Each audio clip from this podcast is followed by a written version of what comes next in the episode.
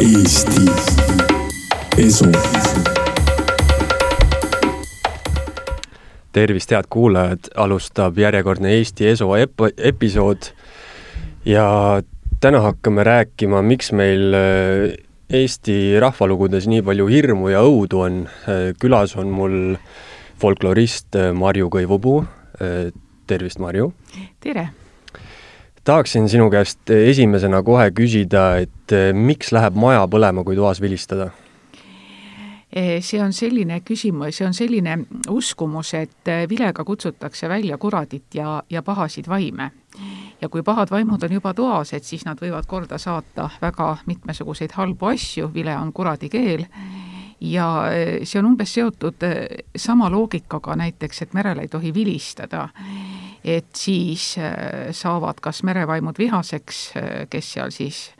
erinevate rahvaste juures on see uskumus täiesti levinud, ja, ja siis tuleb torm ja saab toimuma igasuguseid muid selliseid pahasid asju, millest inimese jõud üle ei käi.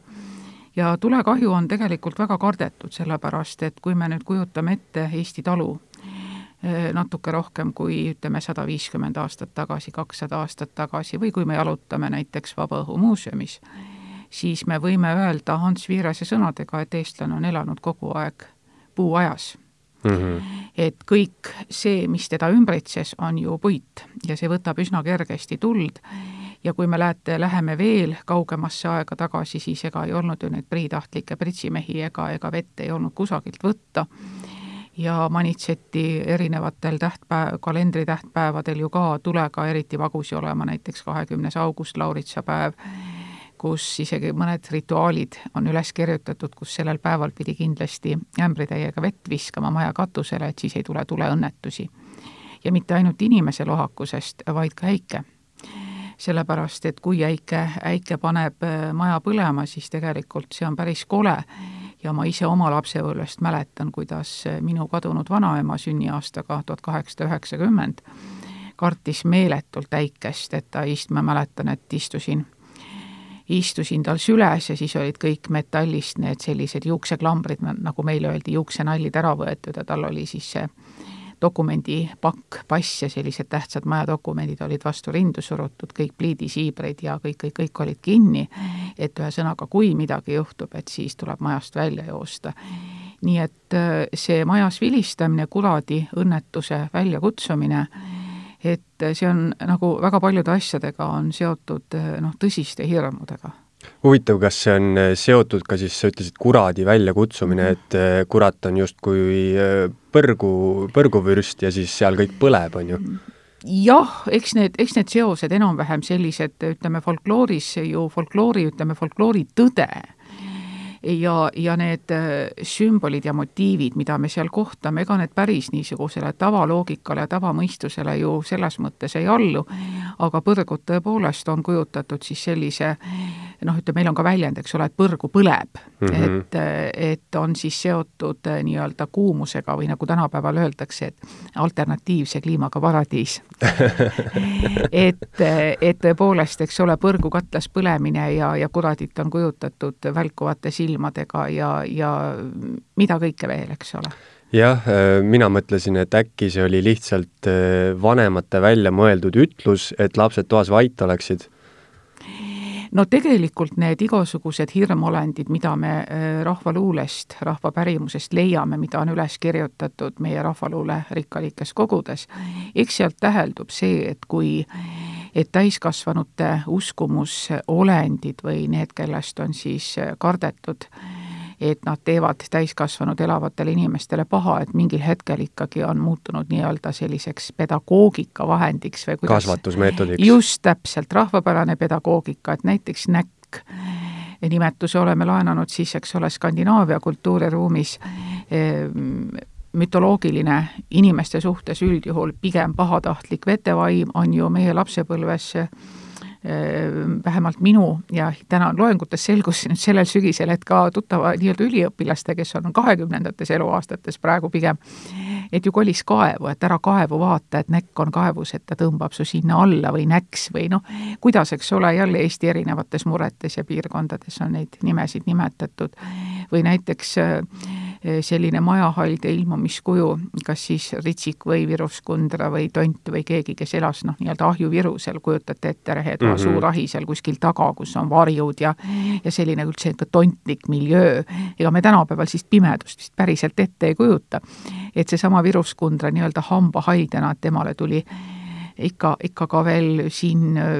üheksakümnendatel, vot kui meil on ahiküttega korterid, et viskasime, et lapsed viskasid oma hambaid, piimahambad temale, et, et siis saaks vastu sellised tugevad hambad, et noh, kas just raudhambaid nõukogudeaegsed lapsed tahtsid, kes on nõukogudeaegseid filme näinud, siis raudhambad nõukogude inimeste suus olid ausalt öeldes täpselt sama hirmutavad kui Eh, kui võib-olla mõni eh, sajandi tagune metsakoll, kes tee peal trehvas, et see plekist naeratus oli ikka üsna jube. aga noh, uskumus jälle selline, et, et lastel kasvaksid tugevad terved piima, piimahambad ja, ja kui nii-öelda ajas tagasi minna, siis neid seoseid võib väga erinevaid luua, miks see niimoodi on ma mõtlengi, et eh, huvitav, sa ütlesid kahekümnendates tudengid räägivad sama juttu, et kui tänapäeval mõelda, öelda lapsele, et ära toas vilista, maja läheb põlema, siis laps ilmselt kohe guugeldab ja ütleb, et mis jama sa ajad mulle. Eks ta, eks ta niimoodi ongi, tähendab, on olemas skeptikud ja, ja, ja, ja täiskasvanute hulgas ja nagu ma ütlesin ka varasemalt, eks ole, et ega need rahvapärased uskumused, mis meieni on kandunud, et, et sealt niisugust teaduslikku või ratsionaalset iva ei maksa võib-olla väga palju suurt otsida. Aga see peegeldab kunagiste inimeste maailmavaadet ja võib-olla ka mingisuguseid selliseid stereotüüpe, et pigem ma ütleks, et vilistamist ei ole peetud euroopalikus kultuuriruumis üldiselt heaks kombeks. Inimene, kes avalikus kohas või tänava peal vilistab või laseb vilet või vile, vilistab läbi kahe sõrme niimoodi, teate küll, kuidas poisid panevad sõrmed suhu ja vilistavad. et seda on peetud nagu see pigem selliseks halvaks tooniks, kraaded, pätid, eks ole, inimesed, kes ei oska kultuurselt käituda. Ja, ja eks see toas vilistamine on ju ka seotud niisuguste heade kommetega, eh, kuidas üks viisakas ja kraps laps peab ennast üleval pidama jah, see mulle seostub ka eriti sellise, just selle kõva vilega, selle mm -hmm. kahe sõrme vilega, et mm -hmm. selline rahulik huuled pruntis vile laskmine, kui on hea tuju mingisuguse viisijupi vilistamine kaasa, see nagu vist ei kutsu kuradit välja veel. no tahaks väga loota, sellepärast et me ikka aeg-ajalt rõõmust laseme huulitsa peal vilet või kui kõnnime metsateed või, aga igaks juhuks võib-olla nojah, eks ole, et ütleme, et ei, ei või iial teada. parem mitte vilistada et ei või iial teada jah, aga see on muidugi ka samuti see, nagu mulle kunagi välitöödel üheksakümnendatel üks Võrumaa proua väga ilusti ütles, et et nii kui usud, nii on. et kuidas sa nagu usud, et inimesed, kes usuvad võib-olla üleloomulikku rohkem, nad on ka natuke ettevaatlikumad ja ja kui ma ise olen ka jälle niimoodi priskelt arhiivitekste lugenud, siis noh, aeg-ajalt mõnda iseenda käitumist eh, nagu fikseerid, et ahaa, et nüüd ma siis koputasin seda pannkoogitaigna puulusikat vastu savikaussi, et mida ma siis nüüd teen. kutsun esivanemate hingesi eh, valel ajal nii-öelda sööma, kutsun neid koju, et kas seda nüüd hädapärast on tarvis kas sul arhiivi vaadates ja uurides tekib ka elus nii-öelda niisuguseid äh, keelde juurde, mida sa siis ei tee, et näiteks ma ei tea, kas sa ei pühi tolmutoas ühtepidi, teistpidi, puhud, äh, pühid ainult ukse poole tähendab, mingid asjad on, mis on seotud ka usundiliste ja võib-olla ka, eks ole, et kui palju seal seda uskumust on ja kui palju on üldse nagu sellist lugupidamist, mida ma kindlasti ei tee, ma ei pühi toe, noh, söögilauda ei pühi nii-öelda palja käega, et selleks on ikka olemas nagu eraldi lapp, et et pühid, pühid äh,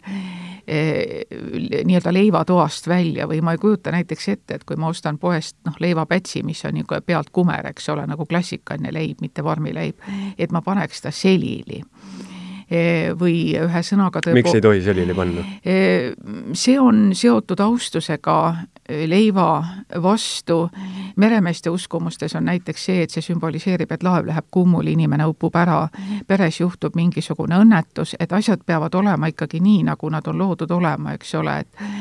et et, et see toob kaasa mingisugust ebamäärast halba. ja noh, siin on jälle, eks ole, see aukartus ja lugupidamine toidukraami vastu, mida ju varasematel aegadel on olnud vähe, ja, ja leiva suhtes see lugupidav suhtumine kajastub väga paljudes sellistest rahvapedagoogilistes kes-, käskudes ja keeldudes. no päris ühesõnaga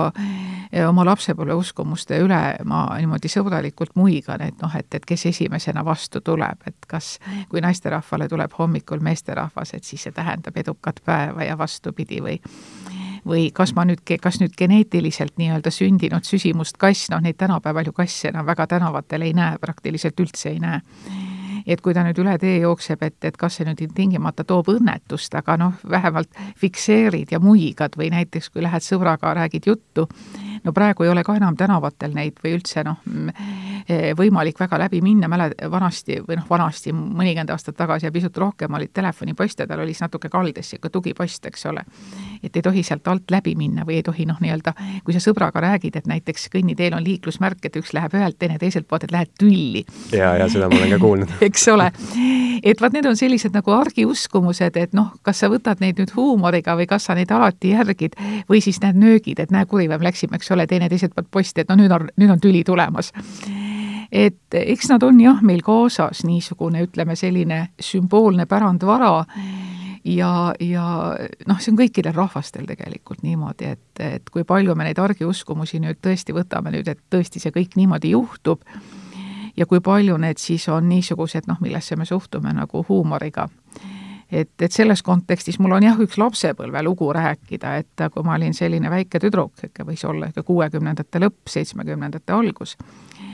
et äh, niisugune linnu- ja loodushuviline laps, nagu ma olen olnud, aga, aga see oli noh, see kuuskümmend kaheksa talve, need olid väga külmad. Ja, ja siis ma toitsin linde ja, ja kuna see oli Lõuna-Eesti väike linn ja, ja selline, seal meil õue peal kasvas selline päris pirakas tamm, et siis minu toidumajas käis erakordselt palju igasuguseid linde, kes olid siis rähnid ja porrid ja puukoristajad ja mina muidugi pidasin seda päevikut ja sain kiita koolis ja aga mul ma-, mamma ja siis Läti vanatädi, et nemad olid niisugused, vaatasid sellise tundega, et ma sain aru, et midagi ei ole hästi. et noh, lapsele keegi midagi halvasti ei öelnud, aga ma tajusin seda hoiakut, et kogu see asi nendele ei meeldi. ja eh, siis, kui tuli kevad ja teede lagunemine, siis vanatädiga läks paraku sedasi, et ta viidi kiirabiga haiglasse, tal äh, siis küll diagnoositi düsenteeria, kõhulahtisus, aga tegelikult lahkus ta siit ilmast seetõttu, et tal oli sooltekeerd ja see diagnoositi valesti. see oli selline äkksurm. ja mul on siiamaani meeles, kuidas mu kadunud mamma vaatas mulle tõsiselt otsa ja ütles, et vaat seda me mõtlesime, see ei ole õige hea asi, kui metsalinnud tulevad maja juurde hmm. ja, ja samas on, eks ole, see on vist minu jaoks, ma olen seda õpiku näidet ka palju loengus rääkinud, et et me ei saa mitte kunagi kontrollida, et folklo-, folkloorse niisuguse tõdemuse puhul puudub ju see nii-öelda kontrollgrupp, eks ole, et kas see sündmus või see traagiline sündmus, mis juhtus, oleks juhtunud ka siis, kui talv oleks olnud soe ja linnud ei oleks üldse vajanud mingeid minu seemneid ega pekitükke ega mitte midagi. aga vaat sellised kokkulangevused on ju tegelikult ka minu arvates üks tegur, mis hoiab sedasorti niisugust uskumustega seotud pärimust elus. ja eks minagi praegu räägin seda edasi ja inimesed, kes kuulavad, võib-olla märkavad mingeid samasuguseid seoseid oma elust, nad räägivad seda ja, ja noh, paratamatult, eks ole, niimoodi eh, see on üks põhjus tõenäoliselt, miks selline uskumuste ja, ja ja noh, ütleme just nimelt nii-öelda jah, see uskumuste, uskumustega seotud pärimus tegelikult meie keskel elab, et me tajume mingisuguseid sündmusi, millele me leiame vasteid pärimusest, mida me oleme kusagilt kuulnud. Kindlasti sellest rääkides tuleb ka paljudel meelde, et asjad on unustatud ja tuleb ja. meelde, et aa, jaa, jah, et minu, minu vanaema käitus ka nii või, või, või öeldi niimoodi. Aga jah, tänapäeval öeldakse lindude kohta, ma olen näinud, et rannas öeldakse, et ära hakka linde söötma, sest siis nad kõik kogunevad sinu juurde ja hakkavad su öö, saunalina peal seal chill ima no see on selge see, et, et tegelikult ega siis tõepoolest, kui vanatädi ostab nüüd pätsisaia ja selle nii linnapargist huvidele sisse söödab, et ega see nüüd mõistlik ei ole, et et linnud peaksid või noh, ütleme, see toitmine on ikkagi põhjendatud et, et noh, samamoodi näiteks ruuged karva, eks ole, oravad, kes käivad ka maja, majade ümber luusimas, ma tean, et näiteks Tallinnas Nõmmel ja Mustamäel, et et varem ikkagi öeldi, et kui orav maja lähedale tuleb, et vaata, on rusket karva, eks ole, ka sümboliseerib tuld, et et mida ta tuleb siia, et see tähendab tulekahju või mingit õnnetust. et üldiselt kõik nagu sellised seigad mis on looduses ka pigem ebatavalised või, või mis nagu ei peaks nii-öelda sellesse sinu ringi kuuluma, et kui midagi niisugust juhtub, et mingil põhjusel on seda nagu tõlgendatud rahvasuus ikkagi negatiivse endena, et mitte positiivsena. siin üheksakümnendatel sai välitöid tehtud ja siis mul on hästi meeles, noh, seal oli Võrumaal, oli väga palju toonekorge oli uskumatult, noh tõesti, põldude peal olid niimoodi, et kümned ja kümned ja kümned augustikuus, kui nad hakkavad juba ära lendama ja kuidas siis vanainimesed, nii-öelda vanainimesed tuletasid meelde, kuidas enne teise ilmasõja puhkemist oli olnud ka hirmus palju toonekurgi ja et üheksakümnendatel oli ju natuke selline segane aeg, et me ei teadnud riigina, mis meist saab, kas meid lastakse iseseisvuda, oli kogu aeg oht, eks ole, et idast tuleb agressioon. Ja ühesõnaga taaskord, eks ole, sarnased sündmused nagu inimestes nagu käivitasid sellise, sellised hirmud või näiteks kui, kui uusaasta hommikul on väga niisugune verev või, või punane taevas, eks ole, kas siis hommikul või õhtul, et siis vana inim-, vanemad inimesed on uskunud ja arvanud, et ega see aasta head ei tähenda, et kas on siis sõdu või haigusi või noh, kõiki selliseid noh, e-, hirme, millega inimene puutub kokku kõigepealt noh, üksikisiku tasandil, aga samas ka, samas ka rahvana, eks ole. Hästi palju äh, seostatakse erinevaid endeid ja asju loomadega, et äh, millised need kõige pahaendelisemad loomad on, et must kass on, ilmselt äh, rästik midagi head ei tähenda jah, ja mulle väga meeldib üks rahvapärimusest, ma mälu järgi tsiteerin, tõenäoliselt üleskirjutused varieeruvad, aga aga see tsitaat umbes on selline, et, et need loomad, kes pealtnäha kõige vagamad on, et need on kõige ohtlikumad, et eh, kolleeg professor Ülo Valk on uurinud kuradi ilmumiskujusid Eesti folklooris ja tema raamatuke, raamatust, mis üheksakümnendatel ilmus, saab ka kenasti lugeda, kuidas noh, kuradi ilmumiskuju võib olla näiteks jänes, eks ole, no mustkass nagunii, et tema temast sai keskajal ja varauusajal selline loom, kes oli oli kuri ja rästikuga on jah sedasi, et, et kristlik pärimus, eks ole, seostab noh, teda maoga kui niisugusega, mürkmadusid Eestis rohkem ei ole, e, kui rästik on, aga vasskussi kardetakse ka, teda on peetud mürgiseks, kuigi noh, selle, see vaene sisalik ei ole küll teps mitte mürgine, aga noh, ta näeb selline välja võib-olla, kes inimestele ei tundu niimoodi, ei tundu enamikele inimestele nunnu. ja, ja siis Skandinaavia uskumuste kohaselt, noh, et rästikul on see siksak selja peal mm, -hmm. eks mhm. ole, on siis usutud, et need on nii-öelda välkmaad, et rästikud tekivad seetõttu, et välk puudutab maad, eks ole, noh, me näeme visuaalselt kaugelt teinekord nagu välk lööks maasse. tänapäeval me ei näe, sellepärast et meie maastik on nii kultuuristatud, väga palju ehitisi on ja ja, ja üldse see noh, hästi raske on seda maastikku koorida nii-öelda visuaalselt selliseks, nagu ta võis olla sadu ja sadu aastaid tagasi, eks ole, kus inimesed elasid. ja, ja noh, vot see on näiteks üks põhjus, miks vanasti arvati, et kui inimest äh, rästik hammustab, et siis ta tuleb kas väevata mulla sisse või see hammustatud kehaosa katta mullaga, et nagu muld imeb selle mürgi endasse või miks on usutud, et kui Eh, inimest on rästik hammustanud, et, et ta siis nagu üles ei paistetaks tohutult, et teda ei tohi kindlasti viia sellisesse hoonesse, kus on nagu tulekolle, et tuli annab jõudu, et noh, see välkmaa fenomen, eks mm. ole ja, ja noh, see, et, et üheksa pattu saab andeks või seitse pattu või kuidas keegi, et see kindlasti on kristlik pärimus ja see on tõesti mõjutatud siis sellest või, või saanud toitu siis piibli pärimusest, mille kohaselt jah, me kõik oleme siis, meie armsad esiisa ja, ja esiema tegid pattu, mistõttu meid paradiisist välja aeti ja me peame selle maailma hädade ja valudega kuidagiviisi hakkama saama ja see madu tõesti vist tuleb sealt hästi kaugelt, et ma mäletan enda lapsepõlvest ka, et alati, kui kuskil justkui rästik liikus, siis eh, selline suhtumine ala, alati, et eh, pea tuleb maha lüüa ja siis ta tuleb puu otsa riputada mm. -hmm et ma ei tea, kas see puu otsa riputamine, samamoodi üks sugulane mulle rääkis kunagi lugu,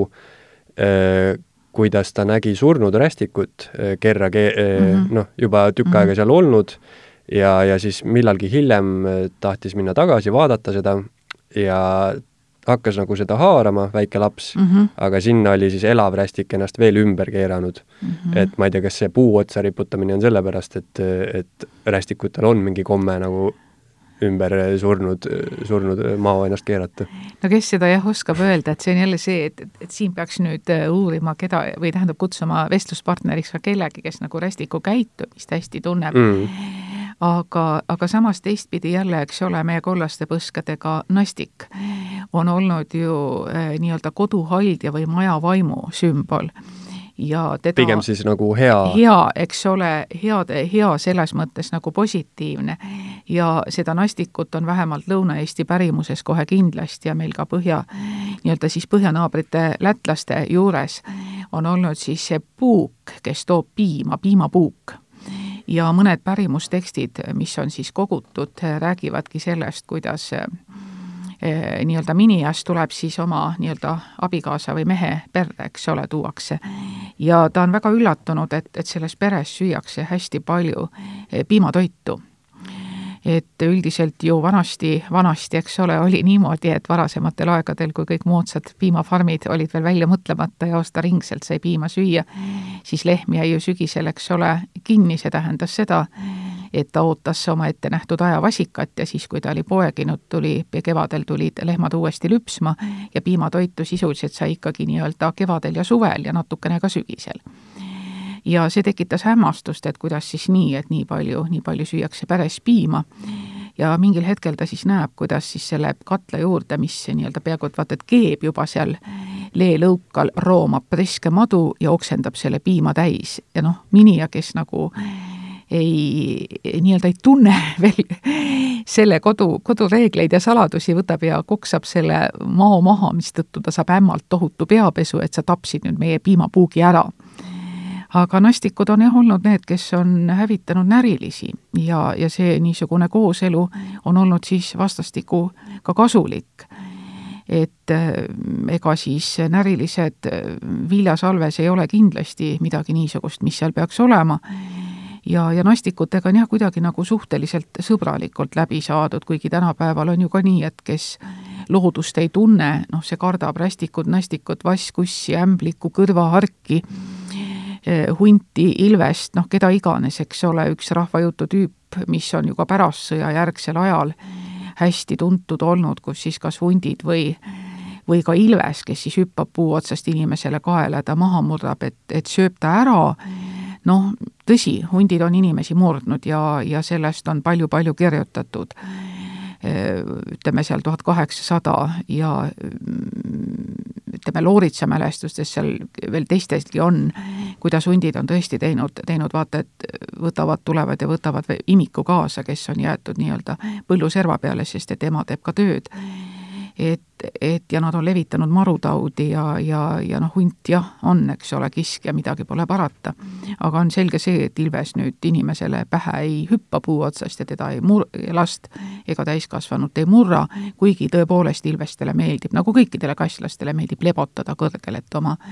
oma territooriumi kontrollida. no ja siis on olnud sellised lood, kuidas siis laps on läinud üksinda läbi metsa koju ja siis on ära kadunud ja siis on temast sealt leitud kas siis kummik või vihikukaaned või või, või, või midagi, mis nagu osundab, et ta on siis saanud kiskja, kiskja saagiks ja kuulus muinasjutt on ka, kuidas hunt äh, murrab äh, punamütsikest metsas. jah, tähendab, eks see on, ma ise arvan, ise ma arvan küll või ma olen seda meelt, et on olemas mingisugused sellised arhetüüpsed motiivid, eks ole, et sina ei pea minema üksinda, sa ei pea käituma teistmoodi mm., kui sind on õpetatud või kuidas nagu on ette nähtud, sest vastasel juhul ei too see häda kaela mitte ainult sulle endale, vaid ka sinu lähedastele, et, et vaene vanaema, eks ole ja, ja noh, sellised normi, normist nagu põikumised või, või nii-öelda isepäine otsustamine või mitte vanemate kuulamine, eks see kajastus ka üheksakümnendatel kogutud laste pärimuses natukene, kus sai kus lapsed panid siis ise kirja ka neid oma niisuguseid õudusjutte, et, et noh, nagu mille motiivid on sellised näiteks, et ema vanemad lähevad kodunt ära ja ja sa võib-olla ei tohi panna kas siis grammofoni mängima või või sa ei pea uurima seda plekki, mis seina peal on või või sa ei tohi seda, teist või kolmandat teha, et, et siis hakkavad juhtuma väga hirmsad asjad. et jah, et see motiiv kusagil ka meie niisuguses alateadvuses selja, selja või peaajus on olemas. Äh, mainisid siis piimapuuki, kes äh, oli nastiku kujul, et puuk öeldakse ka krati kohta, ilmselt tal on veel sada nimetust, aga aga mis elukas see kratt selline on?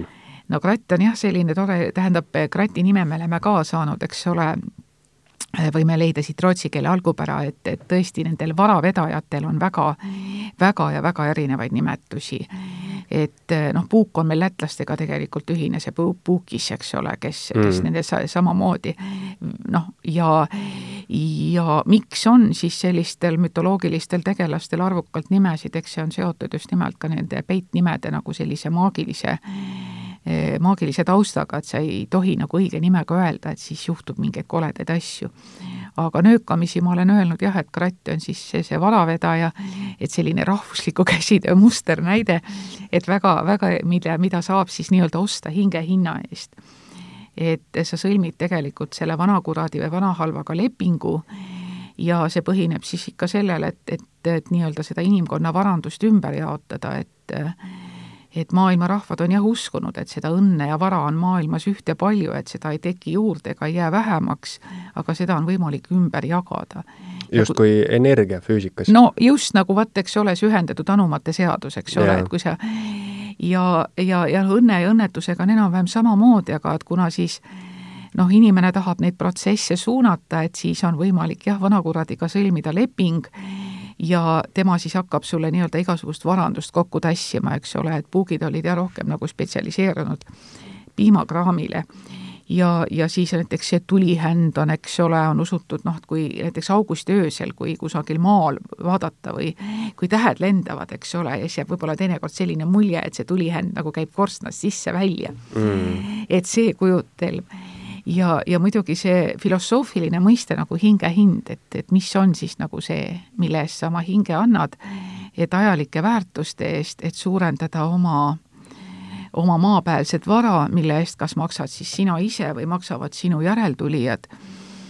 sest et kratti oli võimalik pärandada, aga sageli lapsed või lapselapsed seda kratti ei tahtnud ja see tõi kaasa siis ka väga niisugust öö, niisugust pahandust või, või needust eh, perele, kellel see tegelikult oli, et noh, see kõik on nagu see varanduse kokkukuhjamine on näiline ja noh, filosoofiline on seegi, et Eesti esimene Tubina kratt on, eks ole, esimene ballett mm, -hmm. mis on Eestis ju lavale toodud, mis me, mille kohta me võime öelda oma eh,, oma ballett ja ta on selles mõttes, on ta jätkuvalt ajatu, et, et seda saab tuua ka tänapäevasesse ühiskonda ja küsida, et mida me siis rohkem vajame, et kas me vajame häid toimivaid inimsuhteid või me vajame vara, mille toel siis nagu, nagu uhkustada või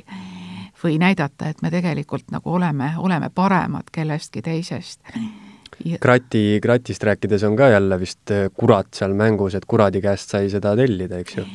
veretilkade eest. jaa, eks ole, see on vana uskumus, et, et veres asub inimese hing, eks ole. noh, ma ikka tudengitele pilaga pooleks ütlen, et kui inimesel pea, pea ära, otsast ära võtta või tekitada mingi suurem siga, vigastus, et siis ju veri voolab välja, pärast seda inimene ei ole nagu päris elus, et et kuidagi on nagu seda elus ole, elus olemist ju püütud seletada. Ja hinge asupaigaks on tõesti peetud verd, no sealt ka, eks ole, punase värvi kaitsev toime, väga võimas maagiline, maagiline tähendus on punasel värvil ja siis tuli jah, niisugusel kas siis täis kui öösel minna kas nelja või viie või seitsme või vastavalt mingile teeristile ja vilistada. vot vilistamisest hmm. me rääkisime, eks ole. eriliselt vilistada ja kutsuda siis see vanakurat välja ja, ja siis eh, ühesõnaga see kaup ära teha ja noh, vanakuradit on siis ka püütud tüssata, et teinekord on talle viidud siis kas mõne looma linnuvärd või, või marjamahla või midagi, et noh, sa nagu sõlmid nii-öelda sellise eh, libalepingu, eks ole. Ja, ja, ja aga, aga üldiselt oli ikkagi jah niimoodi, et kui, kui sa siis jõudsid ära joosta, läks õnneks, aga kui ei, vanakurat tabas kohe ära, et sa ta, tahad tal ka nahka üle kõrvade tõmmata, siis võis juhtuda, et see kael murti seal kohe karkäeksti ära, nagu rahvas ütleb mm. selle kohta, et, et see oli vaieldamatult, nagu noored ütlevad, riskibusiness, eks ole. aga tänapäeval võime jah küsida, et, et selle loo nagu niisugust üldinimlikku üldinimlikus kontekstis, et, et mille eest me oleme nõus hinge hinda maksma tänapäeval ja mis meie hing üldse maksab. Ma just mõtlesin, huvitav, kas äh, sõnast puuk tuleb ka selline õgardlussõna nagu pugima? no öeldakse ju küll, et inimene puukis ennast täis, eks mm. ole, ta on silmini täis puukinud ja siin nüüd peaks lingvistidelt abi küsima, et aga see meie metsalatikas või lutikas, kes puu, noh, eks ole, tema ju ka imeb ennast verd täis ja vaat tal on see tagakeha on hästi punnis, kui ta on yeah., kui ta on meie verega maiustanud ja, ja halvemal juhul ka mingeid haigusi levitanud, et et siin kindlasti semantiline seos on. Ja see on jõudnud ka ikkagi püsinud elus, sest äh, praegu me teame, on puuküürnikud meil. oo jaa, tähendab, ja täpselt samamoodi on ju krattima, krattima tähendab mm. ju näppamist, varastamist, eks ole. E, teinekord ka ütleme näiteks, kas siis äh, ka näiteks noh, arvu- või IT-maailmas on võimalik krattida midagi, eks ole, et sa, sa tõmbad midagi ebaseaduslikult alla ja, ja noh, ta on kindlasti noh, see on selline krattima ei ole kindlasti noh, ütleme võib-olla ta on päris niisugune varastamine või võib-olla väga niisuguse üli-ülipaha tähendusega ei ole, aga ta ikkagi osundab niisuguse pisisulindusele. näppamisele. just nimelt, mida ju krattimine tegelikult on, et, et see on noh, ütleme tõesti pisisulindus. sa käid, võtad ühe taluaidast natukene võid ja teise taluaidast natukene võid ja siis lähed seda Riiga müüma ja siis, kui vaadatakse, siis või on triibuline ja kõik saavad öelda, et näed, see on sul sellest talust, see on sellest talust, eks ole. noh, lehmad söövad erinevat rohtu ja ja, ja või, või selline toon on, on tõepoolest hästi tundlik tegelikult, noh, maalapsena ma mäletan seda. Pisukeselt veel et, et, et sa nagu näppad igalt poolt kokku, et sa nagu nii-öelda puhast tööd ei tee, eks ole, sa paljaks ei röövi, aga sa kratid natuke siit ja natuke sealt. siis ongi, kui tulevad külalised, pakud neile võid, siis nad kohe saavad aru, et see ei ole sinu talu või? absoluutselt, eks ole, või, või jah, nagu siin on, noh, ma ise olen ka kogunud neid lugusid, et just jah, meil seal Lõuna-Eestis ka räägiti, et kuidas siis jah, peremees oli läinud Riiga ja oli siis oma need või niimoodi sinna müügiletile ladunud, eks ole. ja siis olid kõik naabrid olid sosistanud ja näidanud nii-öelda tagantselja, et näe, missugune või tal on, eks ole, et et see on nagunii, tal on kratt või kes seda või, või puuk, kes seda kokku vinnab.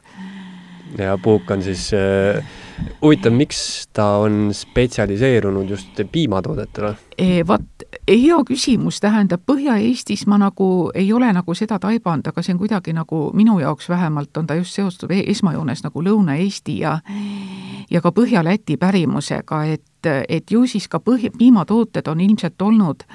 miski, mis on andnud rohkem elatist. Või selline rikkuse et, sümbol. just rikkuse sümbol, sellepärast et loomakarja on kasvatatud ja või ja üldse piimatoodete müügist on saadud nagu tulu et küllap see niisugune krattimine ja pätsamine on ilmselt ka piirkonniti seotud noh, nende teemadega, mis nagu eh, selles piirkonnas eh, rohkem sissetulekut annab, et mis on nagu tähtis. ja aga lisaks eh, siis puukidele, tulihändadele on meil äh, igasuguseid olendeid veel olemas, et äh, kust tulevad tondid kust tulevad tondid? tondid tulevad peaaegu igalt poolt, see perekond Tont, nagu mina neid hellitavalt nimetan, et et noh, nimetus jälle ise, me noh, Skandinaaviast on nagu saanud see või ühesõnaga siis Rootsi verd, eks ole, Tomte maja vaim. et kas nüüd kõigepealt see maja vaim, kes on elavate suhtes heatahtlik, kui elavad on tema suhtes heatahtlikud, et kas see on siis Jürg esiisa, kes näiteks on selles meil maja ehitanud ja selles esimene kord elanud aga, aga nad on jah, muutunud aja jooksul ka inimeste suhtes nii-öelda pahatahtlikuks, et nende niisugune spetsialiteet või roll või eriala on tõesti see, et, et ehmatada inimesi, neile natukene kallale tungida, hirmutada, hirmutada lapsi. Ja eks ta selline üldnimi on kõikide selliste Mm, kummitusolevuste suhtes, et on nad siis teinekord ka noh, me teame tegelikult, eks ole, et kodukäija või, või erialainimesed kindlasti teavad, et kodukäija on siis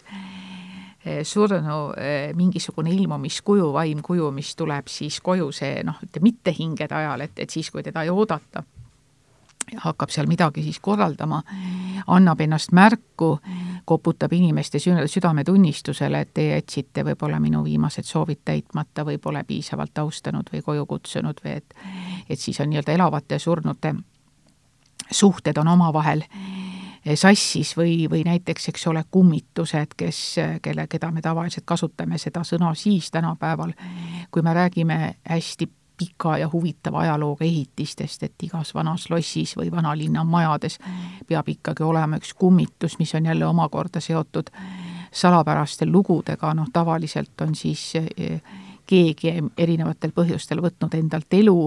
ja kõik sellised ebaloomulikku surma surnud inimesed või siis need, kes on enesetapu teinud, need ikka aeg-ajalt ennast näitavad, et nad ei ole nagu nii-öelda maapealsete asjadega oma tegemisi ühele poole saanud ja, ja siis on neil tarvis tulla. Aga kas, kas võib siis öelda, et sellistel kummitustel, tontidel, vaimudel on ikkagi äh, inimlik taust, et nad on äh, tekkinud surnud inimestest ja hinged ja selline noh, nad ei ole niisama lambist tekkinud. täpselt niimoodi, et, et nendel ikkagi on jah, see inimlik, inimlik taust, eks ole, mulle väga meeldib, kuidas, kuidas Eisel on kirjutanud, et, et kus neid kõike leida võib, et majatontide kõrval tuntakse veel muid tonta, nagu rehetonta, saunatonta, veskitonta, kirikutonta, kabelitonta, metsatonta, rabatonta, sootonta, et nad on kõik sellised jah, olendid, kes ikkagi mingil mingil põhjusel noh, näiteks soo, sookoll või sootont võib olla ka inimene, kes on laukasse uppunud, kes võib ennast niimoodi äh, ilmutada, aga siis ka metsakaitsevaimud, et kuidas nad on tekkinud, selle kohta on erinevad, erinevad seletused miks nad seal metsas on, metsaemad, metsaisad, noh hiljem jälle, eks ole, Skandinaavia mõjuga kirjakeele sõna hoidjas, kes nagu sümboliseerib ka nagu hoidjat ja kes nagu valvab selle järele ikkagi, et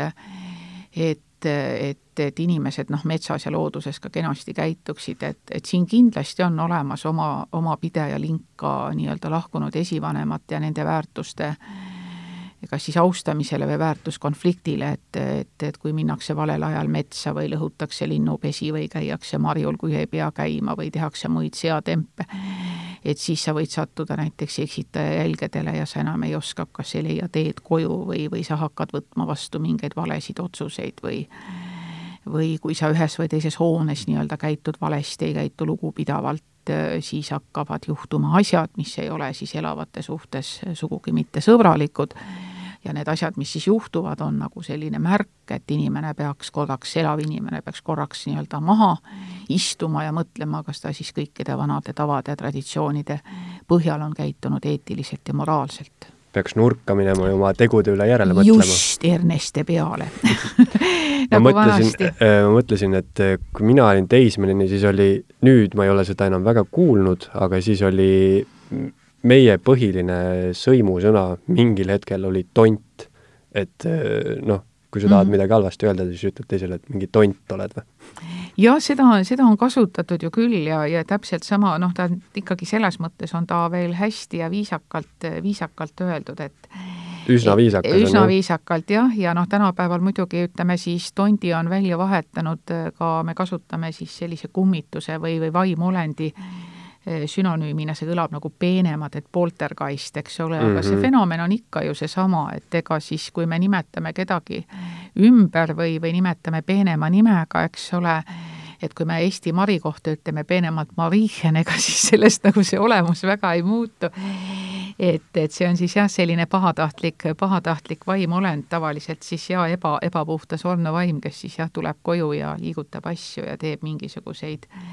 muid, et äh, muid pahandusi ja noh, teinekord ta võib ennustada ka surma. et mulle jah, väga meeldib see, äh, mulle meeldib see hiidlaste ütlus hästi, et mingi õudasi mm. see on nii arm-, see on kuidagi niisugune armas sõna, et mingi õudasi, eks. et noh, et ja mõned inimesed tõenäoliselt on tundlikumad, näevad, otsivad võib-olla rohkem mingit sellist üleloomulikku seletust, eks ole, vanas majas ikka uksed nagisevad ja kõiksuvad ja, ja võib-olla näeb midagi või kõiki nagu, nagu öeldud, et me ei saa kõiki asju, mis meiega sünnivad, lihtsalt mõistus- ja teaduspäraselt seletada ja eks siis tuleb appi pärimus ja, ja väga palju siis neid lugusid, mida me nagu teame, mis on, mis on varem olnud ja mis võib-olla aitavad seda seletada, mis, mida me ise oleme kogenud, et miks me näiteks metsas õiget teed ei leia kohe kiiresti või, või miks me hakkame vastassuunas minema või, või, või mida me kogeme kui mõelda nüüd sellele, et äh, kust tondid tulevad, siis äh, sa rääkisid ka väga kenasti Keller teatris antud loengus pimedusest, et mulle tundub, et kõik need tondid tulevad pimedusest, keset päeva ei kummita meid keegi, et, et kuidas see pimedus neid lugusid on mõjutanud ja just see pool siis, et tänapäeval on meil seda sellist täielikku süvapimedust on ikkagi oluliselt vähem. jah, tegelikult me ju räägime tänapäeval kõigepealt linnaruumis, kus enamik inimesi elab, aga ka väikelinnades ja külades räägime ju valgusreostusest, eks ole, kui me sõidame maanteedel, igal pool bensiinijaamad, tanklad,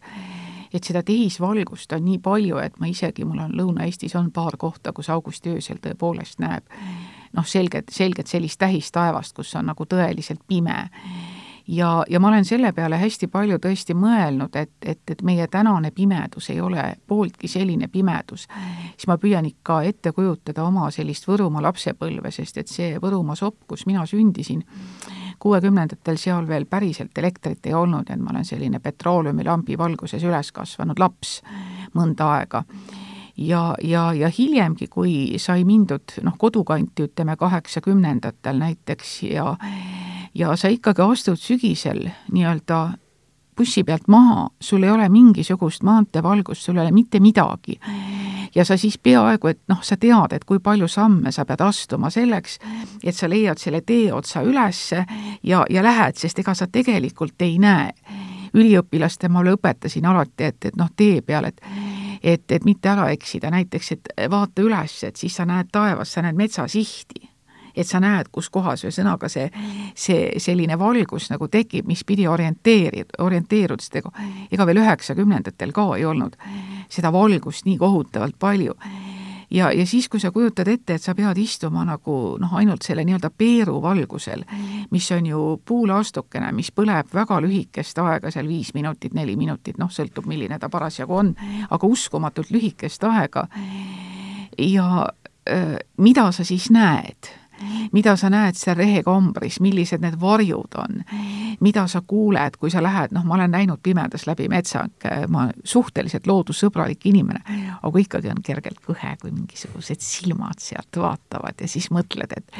et noh, taevas hoidku, eks ole, et päeval ei ole see kährik või rebane või või metskits või, või põder või ei ole pooltki nii kohutav, eks ole, et, et näed teist nunnumeeter laes, aga ööseldi, et ei, tänan, eks ole, et ei ole nagu väga vaja või või et, et noh, selline, selline krabistamine või murdumine või et, et see on ikkagi võib-olla ka midagi niisugust, mis me oleme noh, kaasa saanud nendest ammustest, ammustest aegadest, kui me olime ikka veel väga-väga ürgsed, ürgsed olendid, et, et see on ikkagi seesama ellujäämisstrateegiad ju ka. Ja igasugused hääled pimeduses saavad hoopis teise tähenduse, et see on kindlasti ka sellepärast, et et noh, nagu räägitakse, et pimedatel läheb äh, kuulmismeel palju teravamaks, et siis, kui sa ei näe, siis sa noh, keskendud jah, kuulmisele palju ja, rohkem. see paratamatult jaa, sa komp-, kompenseerid seda millegagi, eks ole, et, et noh, meie, kui palju meie meeled suudavad nagu vastu võtta ja noh, tänapäeval on ka niimoodi, et et ütleme, see olmemüra on ju tegelikult üsna suur, et et ma just olen nagu täheldanud linnaruumis seda, et ähm, inimesed ka oma mobiiltelefone kasutades, kui nad tänaval räägivad või neil on, nad tegelikult räägivad kohutavalt valjusti, et mõnele tahaks lausa öelda, et kuule, pane see aparaat ära, et sind on niigi kuulda. et me peame nagu, püüame nagu sellest olmemürast üle rääkida, et meie hääl tegelikult on väga vali. et, et, et vana inimene, nagu ma olen, et seda ma olen küll täheldanud, et inimesed tegelikult räägivad palju valjema häälega, et neil on selline tunne, et neid ei kuulda jah, sellega on veel seotud äh, üks asi,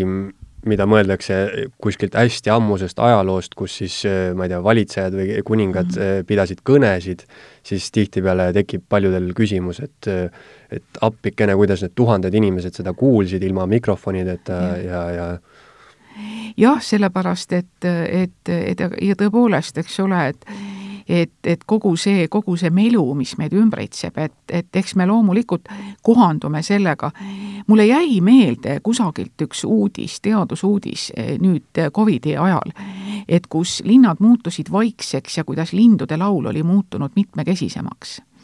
ja, ja natukene nagu valjemaks ja hoopis teistsugusemaks, et, et me tegelikult noh, see on paratamatult nii, et see, mille, millise aega sa sünnid, ega see on sinu jaoks loomulik, ega sa ei oska nagu ette kujutada, mismoodi on teisiti ja, ja võib-olla tõesti ka jah, see, et, et lapsed nagu tänaval, ütleme minuealise jaoks ehk juba eh, teevad natuke liiga palju lärmi, et, et, et see on võib-olla tõesti mingi tarvidus nagu ennast kuuldavaks teha, et et võib-olla ei peakski neid noh, selles mõttes nagu noomima, aga inimest nagu manitsema avalikus ruumis oma, oma tämbrit või, või hääle tugevust kontrollima, et, et seda nagu täitsa võiks vahel. Küll, et see võiks olla nagu selline mõtte, mõtteaines, et et seda helireostust igas mõttes oleks võimalikult vähem meie ümber ja tundub, et mõlemad on ära kadunud, nii ja. pimedus kui vaikus. ja, ja, ja, ja see vaikus on hirmutav. E, ma nüüd jälle vahendan pärimuslugu, aga ma ei mäletagi, kuidas see minuni jõudis, aga aga see oli vist keegi kolleeg, kes oli kutsunud Euroopast endale Saaremaale külalise ja, ja see noor inimene, kes oli harjunud meluga, see kartis seda nii-öelda seda vaikust nii hirmsasti, et ta nõudis, et viidagu ta Tallinna kohe. et see on õudne. et vaat, kui me räägime, eks ole, hirmudest ja õudus, õudus, õudusasjadest või õudasjadest eh, tänapäeval ja püüame võrrelda seda vana ajaga, siis vahel mulle tundub, et need asjad, mis vanasti olid loomulikud, on tänapäeval õudsed ja vastupidi et neid õudolendeid võtame võib-olla natuke nagu sellist ulmekirjandust või noh, eks meil on muidugi filme ju ka hästi palju selliseid, eh, mis põhinevad ulmel ja, ja võib-olla seal on sellised hirm, hirmolendid, keda päriselt ei tahagi nagu vaadata. aga, aga mingisugune pööre, mulle tundub, on toimunud selles osas küll, et et, et võib-olla sellised loomulikud asjad, me kardame palju rohkem surma näiteks, kui võib-olla Eh, või, või et, et või vähemalt mulle tundub niimoodi, kui ma vaatan iseenda, kes ütleme, viimase kuuekümne aasta niisugust elukogemust siin ja selles ajas praegu, et see pööre on olnud küll jaa, et mitte mingil juhul, eks ole, pimedust ei taha, vaikust ei taha, et see on kohutav, üksindust ei taha. Yeah.. see on kohutav, eks ole, me peame olema, me peame olema jube sotsiaalsed kogu aeg. Need on võib-olla tõesti, kui sa ütlesid, et, et sellised asjad, mida vanasti kardeti, noh, need ei mängi tänapäeval enam mingit rolli, et, et mm. noh, praegu mulle tundub mingisuguses kodus peres televiisor käib kakskümmend neli seitse, aga mhm. vanasti ilmselt oleks see olnud jube, et pane see aparaat vait oo jaa, noh, eks ma olen ise ju tegelikult selle põlvkonna, põlvkonna laps, et kui tuli see lastesaade, see pool tundi telepoiss tuli ja lehvitas, siis oli niimoodi, et ikka käed puhtad ja teleka ees ja istud vaikselt ja vaatad ära. ja, ja raadioga oli enam-vähem sama, et ega seda noh, tööd ja tegemised olid niisugused ja et ega sa ju ei saanudki teda igale poole nagu kaasa võtta, et kui need lustikummutid või need sangad tekkisid, mida sa igale poole kaasa võtta, et see nagu oli ka mingil määral sellise natukene nagu labase kultuuri näide ja noh, eks me tänapäeval ju eh, saame häiritud sellest, kui ütleme, keegi puhkekohta sõidab, paneb siis autos oma tümmi käima, et Ähm, ma ei oska öelda, kas see on kultuuritus või see, et ta noh, tunneb ka ennast ebakindlalt, sellepärast mm -hmm. et et keskkonnad, mida me ei tunne, kus me ei oska olla, sinna me võtame midagi kaasa, mis tekitab meile turvalisuse tunde. kuigi aru ma sellest nüüd küll ei saa, kui vahel mõni auto sõidab mööda ja sealt tuleb niisugust tümmi, et ta vappub samal ajal, siis ma mõtlen küll, et helde jumal, et noh, et see ju, see ju lööb südame rütmist välja ja hakkab varem, varem või hiljem nagu kõrva peale mõjuma aga no see on see mõte, mul on selline vanus, kus juba, kuidas see eesti kirjandusklassikas oli, et et vanaks jäänud hakkab palju irisema et mis ei, mis ei, mis kõik on nagu teistmoodi või, või aga jah, seda vaikust ja ja, ja seda ma ikkagi jah, mäletan ju küll, et ega ju peale lindude ja loomade ja inimeste häälte ja ja, ja kui keegi väga valju häälega rääkis, siis öeldi meil Võrumaal ikka niimoodi, et mine Nurme, röögi hinnast tühjasse, siis tuled tagasi. et noh, et või öeldakse, et mis sa, mis sa karjud, ega sa metsas ei ole, et noh, kui sa uikad ja, kedagi, eks ja. ole, et see on nagu see kommunikatsiooniviis, et mida sa röögid. et ega sellist valju häälega rääkimist ei ole peetud ka noh, väga kultuurse inimese tunnuseks, et sa pead nagu suutma oma häält ikka valitseda ja üle tänava ei tohi inimest kutsuda, pead ise minema üle tänava ja siis ütlema, et tere. no enam-vähem jah, nüüd on ära kadunud mobiiltelefonid ega need sellised asjad ka, mis veel kortermajade taga sageli olid, kus lapsed hüüdsid üksteist või siis, või siis memmekesed või taadikesed või, või ka keskkäes inimesed otsustasid, et noh, kõige parem on viiendal korrusel elava inimesega rääkida siis, kui seisad esimese korruse peal akna all ja siis huilgad sinna ülespoole et see on nüüd saanud ajalooks, aga, aga jah, ega see noh, et inimesed nagu, ma ei kujuta ette, mida mida vanaaja inimesed mõtleksid, kui nad näevad tänaval või noh, mingis avalikus kohas inimesi, kes näiliselt räägivad iseendaga. eks ole, tal on klapid e, nii-öelda siis on nii-öelda käed vabad, see mobiiltelefoni süsteem ja siis ta paneb tänaval niimoodi, läheb edasi ja räägib kohutavalt kõva häälega tegelikult, nii et praktiliselt noh, kõik võivad kuulata. Et, et ja mis... see tekitab siiamaani minu arust natuke sellise, noh, eriti kui sa kuuled kuskilt, keegi räägib hästi kõvasti ja siis vaatad ja sa võib-olla kohe ei märka siis tal klappe või, või neid yeah., et see tekitab ikka sellise tunde, et mingi hulluline et, et, et see asi ei ole nagu päris õige ja siis mõnikord ma olen ka mõelnud seda noh, avalikus ruumis, et kas see on siis buss või rong, eriti kui on esimese klassi vaguniga tegemist. Et kas nüüd kogu see seltskond ikka peab sinu eraelust ja sinu isiklikest asjadest nüüd nii detailse ülevaate saama, et et noh, see, see ütleme, selline mobiilikultuur on juba suhteliselt hiline, et eh, alles me saime kõik oma jutud räägitud tavatelefoniga ja aga noh, ajad muutuvad, et me ei saa nüüd niimoodi öelda, et, et kas see on nüüd halvem või parem, aga, aga see tekitab jah, niisuguseid huvitavaid küsimusi. Ja samas ilmselt see, see niisugune mobiiliga rääkimiskultuur, see kaob ka järjest rohkem ära, sest inimesed lihtsalt äh, kirjutavad ja saadavad sõnumeid. jah, ja, ja, ja kusjuures, kui ma, ma olen hakanud mõtlema, eks ole, et, et, et neid varasemaid karikatuure, vaat kus kujutati kahekümne esimese sajandi inimest, et tal on nagu tohutu suur pea ja väga kidur keha. nagu aga, tulnukas? nagu tulnuka või no nii, nagu me tulnukaid kujutame, ega me ja. ju tegelikult ei tea, kuidas suured välja silmad, näevad. suur pea, suured no, pöidlad, aga keha on hästi just, väike. et, et ma arvan, et nüüd tuleb jah lisanduda, et see kahe pöidla funktsioon mis, ma loodan, et nüüd keegi ei solvu, aga, aga minge loomaaeda ja vaadake inimahve. kui tugevad on nende pöidlad ja suured varvad. et mitte, et ma tahaks nüüd öelda, et me liigume natukene nagu tagasi, eks ole, aga aga, aga jah, see nagu see vaimsuse püüe, et, et seda nagu püüti karika, karikeerida just sellega, et meil on meeleelundid hästi võimsalt arenenud et aga, aga praegu küll tundub niimoodi, et kui vaadata jah, et, et me liigume vähem, et pigem nagu see ülejäänud kehakorpus kipub paisuma seetõttu, et me liigume vähe, aga sööme ikka niimoodi, nagu noh, me teeksime tugevat talutööd või tugevat füüsilist tööd. ja nendel tulnukatel ka tihtipeale kogu see kehaline pool, suguelundid on näiteks üldse ära kadunud mm -hmm. ja mhm. see käib üldse kuidagi teistmoodi jah, eks me oleme tasahilju ka natuke sinnapoole ju jõudnud eh, tänu kunstlikule viljastamisele mm. ja ja, ja, ja siis samuti keha, noh, kehavälisele, et, et, et me saame tegelikult ju teoreetiliselt otsustada lapse soo ja välimuse üle, et kõik need utoopiad, mida on peetud nagu hullumeelseks mõned ajad tagasi,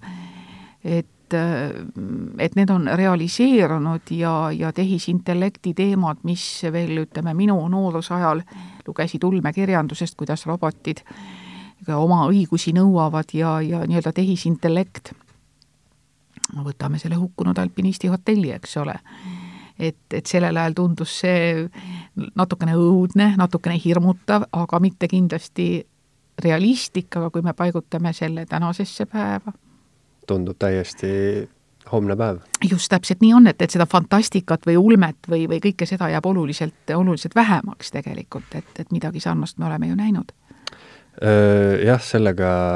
sinu loengust tuli välja üks huvitav asi, mida ma ei ole varem kuulnud, rääkides suguelunditest, et äh, kratt kardab naisterahva jalgevahet. jah miks see niimoodi on? vaat see on nüüd see hea küsimus. et tõepoolest on, on öeldud, et, et, et naisterahva katmata ta poolt, tagumist poolt katab isegi vanakurat, et mis, mis, et noh, et tõsi ta on, et, et selliseid mm, kirjeldusi on äh, ju küll ja veel ja isegi olen saanud mõne, mõne rea kirja panna teemal, kuidas tõesti naised äh, suvisel ajal eriti, kui aluspesu ei kantud, kuidas ikka klaariti arveid. Aga ilmselt noh, ütleme ka see, ütleme ropendamine ju, kui noh, vene keeles on ja kui võetakse appi meesterahva suguelundid,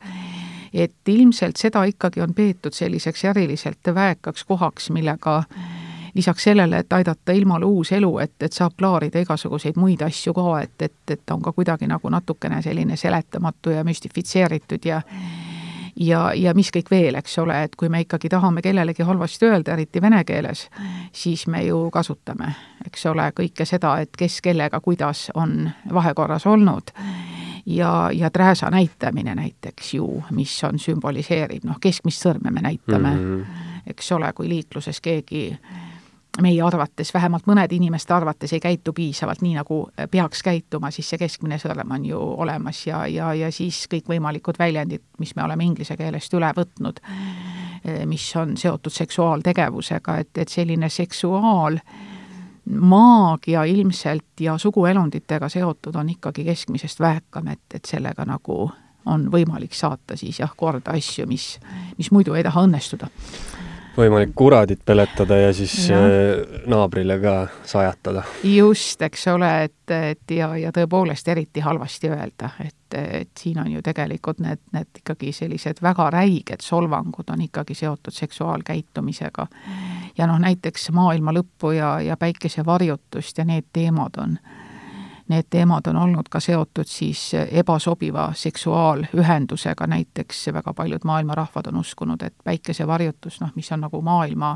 lõpu selline eelenne, et on siis, kas on olnud õde ja vend on olnud siis nii-öelda lubamatutes mm. seksuaalsuhetes või on toimunud verepilastamine perekonnaringis et, et see on olnud nagu ohtlik varasematel aegadel ja noh, eks siin on äh, eks siin on olnud jälle mingisuguse või tähendab, selles mõttes on ta nagu teistpidi jälle, eks ole, eluterve, et, et me tänapäeval taunime selliseid asju ja ta ei ole ka inimliigi kui sellise jätkuvuse seisukohalt ju kuigi mõistlik. jah, keskmisest sõrmest rääkides, siis äh, üks asi on minu arust küll natuke ära kadunud, on see tutkit märk, kus pannakse pöial. ja trääsa näitamine. ja, ja, ja, ja., et see tutkit äh, oli justkui äh, mulle tundus kunagi, et kui keegi sinult midagi tahab ja sa ei taha talle anda või, või ja, sa ei ole ja, nõus, et siis, siis näidati jah ja,, eks ole, et mis on ju sisuliselt sümboliseerib ju sugu, suguakti, eks ole. et, et jah, ta nagu tänapäeval, tänapäeval on ära kadunud küll, eks ole, et või, või siis ühesõnaga noh, solva või noh, ühesõnaga sa vastasid nagu solvangule ka niimoodi mm. -hmm. et, et tänapäeval jah, on jäänud, on asi läinud natuke lihtsamaks, et näidatakse lihtsalt keskmist sõrme, mulle ka on näidatud, kui ma mõne arvates ei ole autoga piisavalt hoolikas olnud või piisavalt kiiresti sõitnud. see on üks äh, ilmselt kõige universaalsem äh, väljend üldse maailmas või noh, kehakeeles, et sellest saavad kõik aru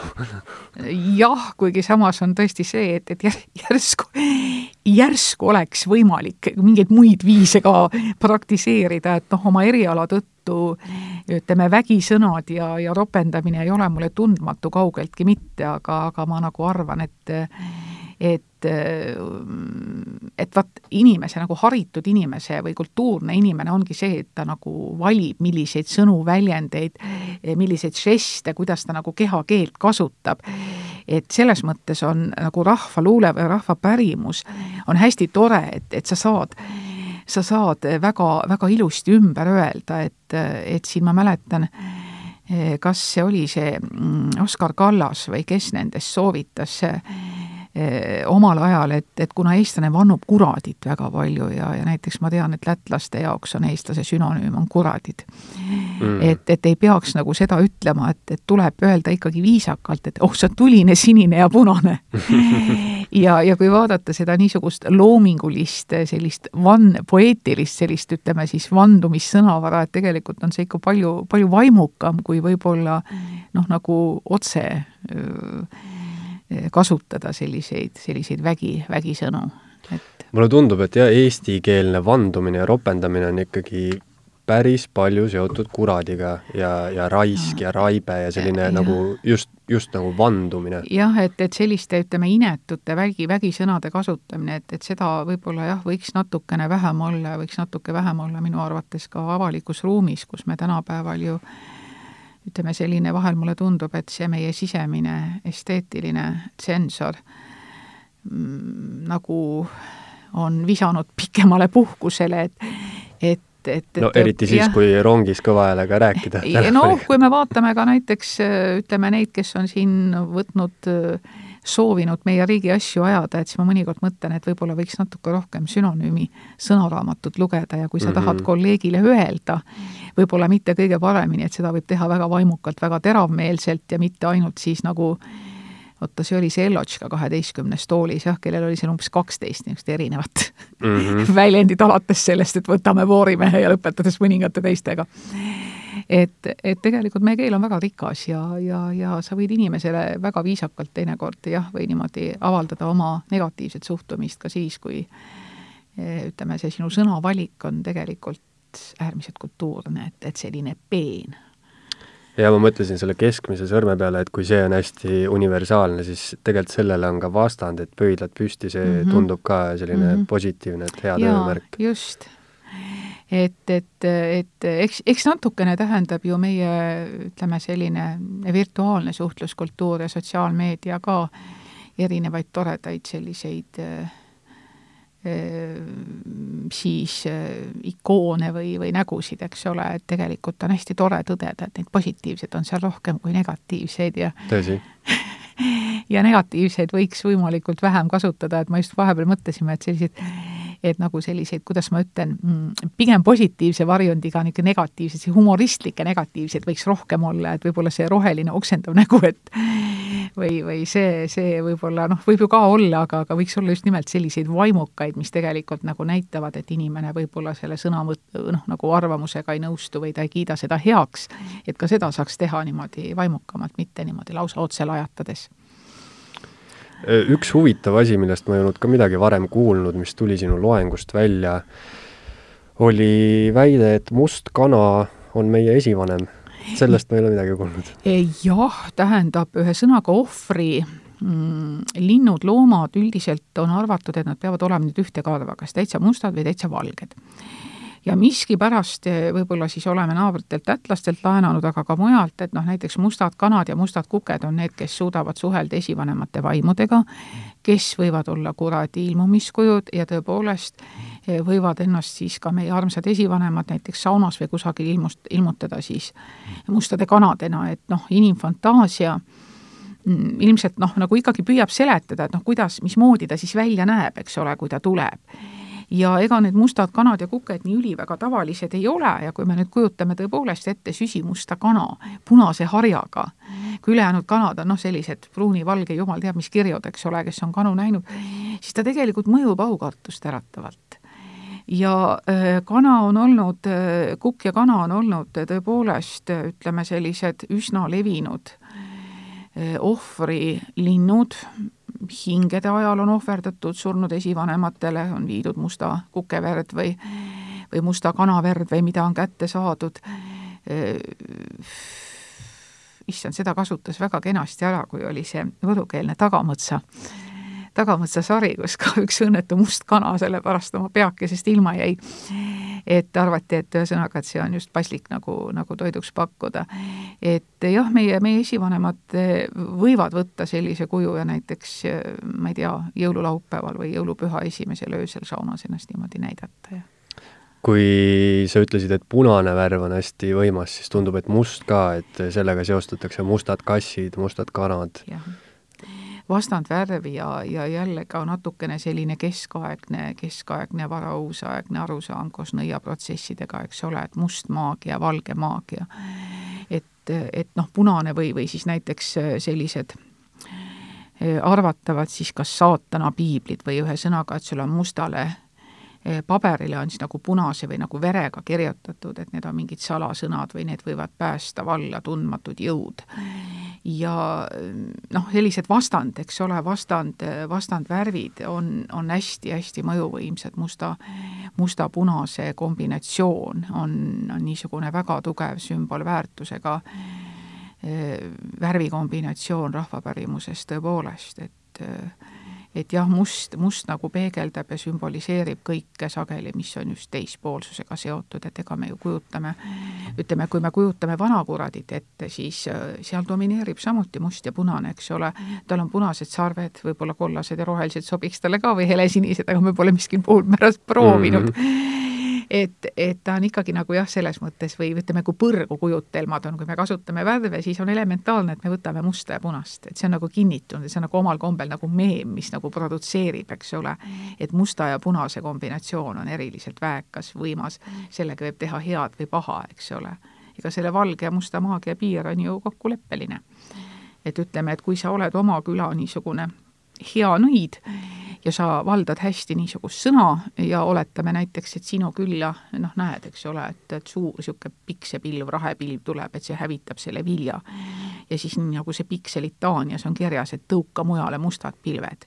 et kui sa saadad selle nii-öelda naaberküla põllu peale ja seal ta teeb siis selle viljaga või, või linaga teeb nii-öelda üks-null, siis tõenäoliselt naaberküla sugugi ei ütle, et, et et, et teise küla mees harrastab nii-öelda valget maagiat, et mm. et tema jaoks ju see, mis nende jaoks juhtus, oli paha, eks ole, et vaat, et selles külas elab, et, et igavene, igavene tige ja kuri inimene, eks ole, et nad oma küla kaitseb, aga vot saadab meile selle rahepilve, mis siis kõik maha või viljad maha notib et siis on must ja valge maagia suhteline. oi, see ongi suhteline, see on täpselt see, et kelle vaatekohast me vaatame, eks ole ja see must ja, ja tundub, et seal on ka ikkagi seos, et nagu me rääkisime pimedusest, et, et see kõik, see müstiline tuleb ikkagi öösel mustast pimedusest. et et kes see, kes see nüüd oli, kust on nüüd, nüüd, nüüd tuleb see küsimus, et, et, et oi oh jah, muidugi, see on ju Vilde Pisuhännas, eks ole, kui, kui õnnetu äpardunud poeet ja arhitekt üritab ennast välja vabandada, eks ole, selle õnnestu-, õnne, ebaõnnestunud Peterburi reisi pärast, et ta on ju vana kurjaga otseühenduses, et ta teab igasuguseid saladusi. et, et kõik need väga erinevad nõiaraamatud või mida on peetud nõiaraamatuteks, et need on enam-vähem ka suguluses kogu selle krati fenomeniga, et sa ikkagi nagu valdad neid tumedaid jõude, mis annavad sulle sellised võimed, mida nii-öelda tavainimestel ei ole. ja eks neid kõiki selliseid, ka külatarku on erinevatel aegadel ju ka seostatud ikkagi sellega, et et, et nad on ikkagi mingisuguseid tarkusi või, või midagi saanud ka nii-öelda sealt nii-öelda musta poole pealt ja, ja tavainimestel ei soovitata neid nõiaraamatuid lugeda, et nad päästavad välja valla jõud, mida nad tegelikult hiljem enam ise kontrollida ei suuda. et jälle see, et ära tegele asjadega, mida sa nagu, mis ei ole sinu jaoks, eks ole, või, või ära, ära ütleme siis otse välja, et ära topi nina asjadesse, mis ei ole nagu, nagu sinu rida. et, et noh, praegu näiteks noh,